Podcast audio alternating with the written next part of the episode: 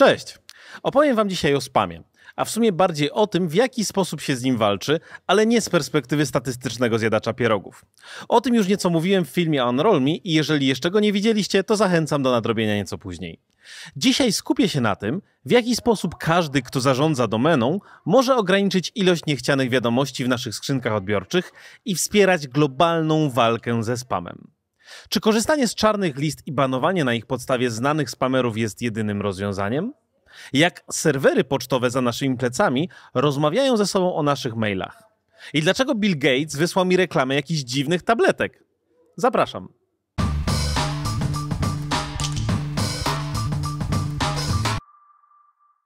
Dawno, dawno temu, u zarania internetowych dziejów, czyli gdzieś na przełomie lat 80. i 90. poprzedniego wieku, e-maile służyły tak naprawdę do komunikacji garstce ludzi.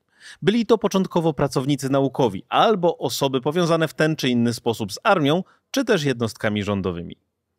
Nikt wtedy się nie zastanawiał raczej nad kwestiami nieuprawnionego dostępu do czegokolwiek, więc każdy uruchamiany serwer poczty był tak naprawdę w pełni otwarty. A co to oznacza? Ano, był tak zwanym open relayem, czyli nie trzeba było się uwierzytelniać, żeby wysłać za jego pośrednictwem wiadomość. Był to domyślny sposób, w który w sumie działały wszystkie serwery w tamtym czasie i nikogo to nie dziwiło, ani też nikomu nie przeszkadzało. Niestety, jak to zwykle bywa, nie możemy mieć fajnych rzeczy, bo zaraz znajdzie się ktoś, kto wykorzysta je w niecnym celu. A na pomysł, do czego ich użyć, wpadli szybko innymi spamerzy. Uważa się szeroko, że pierwszy spam zawdzięczamy prawnikom. W 1994 roku małżeństwo prawników z Arizony, których na pewno można nazwać innowatorami, chciało zareklamować swoje usługi polegające na pomocy w udziale w loterii wizowej Stanów Zjednoczonych. Był to jawny skam, ale to nie miejsce na jego ocenę czy też analizę. To właśnie oni jako pierwsi wykorzystali w tym celu grupy dyskusyjne na Usenecie. Jeżeli ktoś nie pamięta albo nie wie, czym były grupy dyskusyjne, to można uznać, że byli to dziadkowie internetowych forów. Y, w sensie forum, wiecie. Jeżeli tego też nie pamiętacie, to w tych miejscach w internecie spotykali się ludzie o podobnych zainteresowaniach, żeby porozmawiać jeszcze przed erą mediów społecznościowych, a już po epoce IRCA. Hashtag dinozaury internetu. Ale do brzegu. Od tego momentu, czyli od wysłania pierwszego spamu, komunikacja w internecie już nigdy nie była taka sama, a spamerzy znajdowali coraz to nowe sposoby, aby ich wiadomości, jakkolwiek niechciane, znalazły się na naszych skrzynkach odbiorczych. Zresztą szybko dołączyli do nich inni przestępcy i żartownisie, na przykład wysyłający złośliwe oprogramowanie. Na cel wzięli m.in. otwarte serwery pocztowe i co by nie mówić, były one dość łatwym łupem pozwalały wysyłać do nas wiadomości, podając się za kogoś zupełnie innego. W efekcie mogliśmy znaleźć w swoich skrzynkach maile, na przykład od Billa Gatesa, reklamujące różne medykamenty na powiększenie czegoś albo próbujące wyłudzić nasze dane. Na przestrzeni lat jednym z rozwiązań problemu było oczywiście wprowadzenie uwierzytelniania na serwerach pocztowych. Jednak nadal istnieją takie, choć raczej nieliczne, które działają jako Open Relay, często zresztą w wyniku błędów w ich konfiguracji. Jeżeli więc nie udało się całkowicie wyeliminować problemu po stronie nadawców wiadomości, to prawie cały ciężar walki ze spamem spoczął na barkach odbiorców poczty. A więc jak się to robi? Skupię się dzisiaj na trzech mechanizmach, które mają zapewnić odbiorcę maila, że jego nadawca na pewno miał prawo wysłać wiadomość z tego konkretnego serwera, którego użył, a wiadomość dotarła do nas w niezmienionej formie. To taka święta trójca rozwiązań służących do walki ze spamem. Zostały one opisane przez Internet Engineering Task Force, czyli IETF. Ta organizacja to w sumie taki wielki senat Republiki Internetu to, co ustalą w kwestii standardów, staje się dokumentem RFC, czyli Request for Comments, a potem przeważnie rzeczywistością.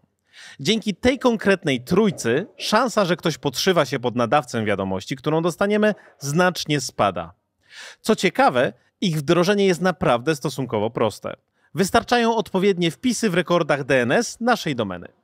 Pierwszym elementem całej tej układanki jest mechanizm SPF, czyli Sender Policy Framework. To tak naprawdę podstawa. W konfiguracji DNS naszej domeny definiujemy, jakie serwery w imieniu tej właśnie domeny mają prawo wysyłać wiadomości. Dzięki temu, kiedy serwer pocztowy odbiorcy otrzymuje jakiegoś maila, to jest w stanie sprawdzić za pomocą tego właśnie ogólnodostępnego wpisu, czy serwer nadawcy ma prawo prowadzić korespondencję w imieniu danej domeny. A co jeżeli serwera nie ma na liście? Albo wcale nie ma żadnej listy? Tu decyzja należy do serwera odbiorcy, ale najczęściej oznacza to, że wiadomość albo jest całkowicie odrzucana, albo przynajmniej oznaczana od razu jako spam. Administrator ma tutaj też pewne możliwości dokładniejszej konfiguracji za pomocą pewnych operatorów na kilku poziomach działania.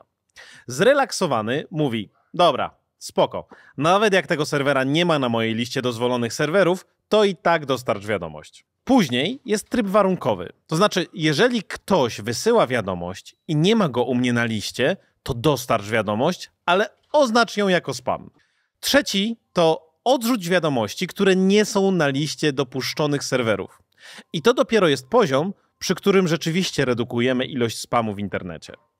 Po więcej szczegółów odsyłam Was do dokumentacji SPF-a. Link znajdziecie oczywiście w opisie pod filmem. Warto jeszcze zwrócić uwagę, że jeżeli domena nie ma ustawionego rekordu SPF, to dla wielu serwerów pocztowych będzie to jednoznaczne z tym, że wykorzystywana jest do spamowania. Dobrze. Mamy już możliwość weryfikacji serwera korzystającego z domeny, ale warto byłoby jeszcze mieć pewność co do tego, czy ktoś nie podszywa się pod samą domenę. No i tutaj drugim, może nawet ważniejszym elementem systemu walki z niechcianą pocztą jest mechanizm DKIM, czyli Domain Keys Identified Mail. A co to takiego? To tak naprawdę para kluczy prywatnego i publicznego. Ten publiczny dodaje się do wpisów DNS, a tym prywatnym serwery, pocztowe oczywiście, podpisują całą korespondencję wychodzącą z danej domeny.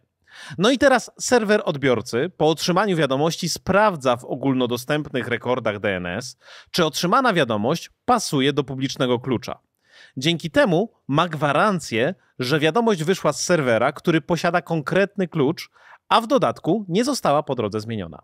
Łącząc mechanizmy SPF oraz DKIM, wiemy więc, że wiadomość wysłana została z serwera zaufanego dla danej domeny oraz nie została zmieniona w drodze pomiędzy serwerami. To czego nam jeszcze brakuje? Ano, przydałoby się jeszcze coś, co pozwalałoby komunikować się serwerom pocztowym i wymieniać informacjami na temat stosowanych przez nie reguł. W tej roli wchodzi mechanizm DMARC, czyli Domain Based Message Authentication, Reporting and Conformance. Brzmi skomplikowanie. A o co tak naprawdę chodzi?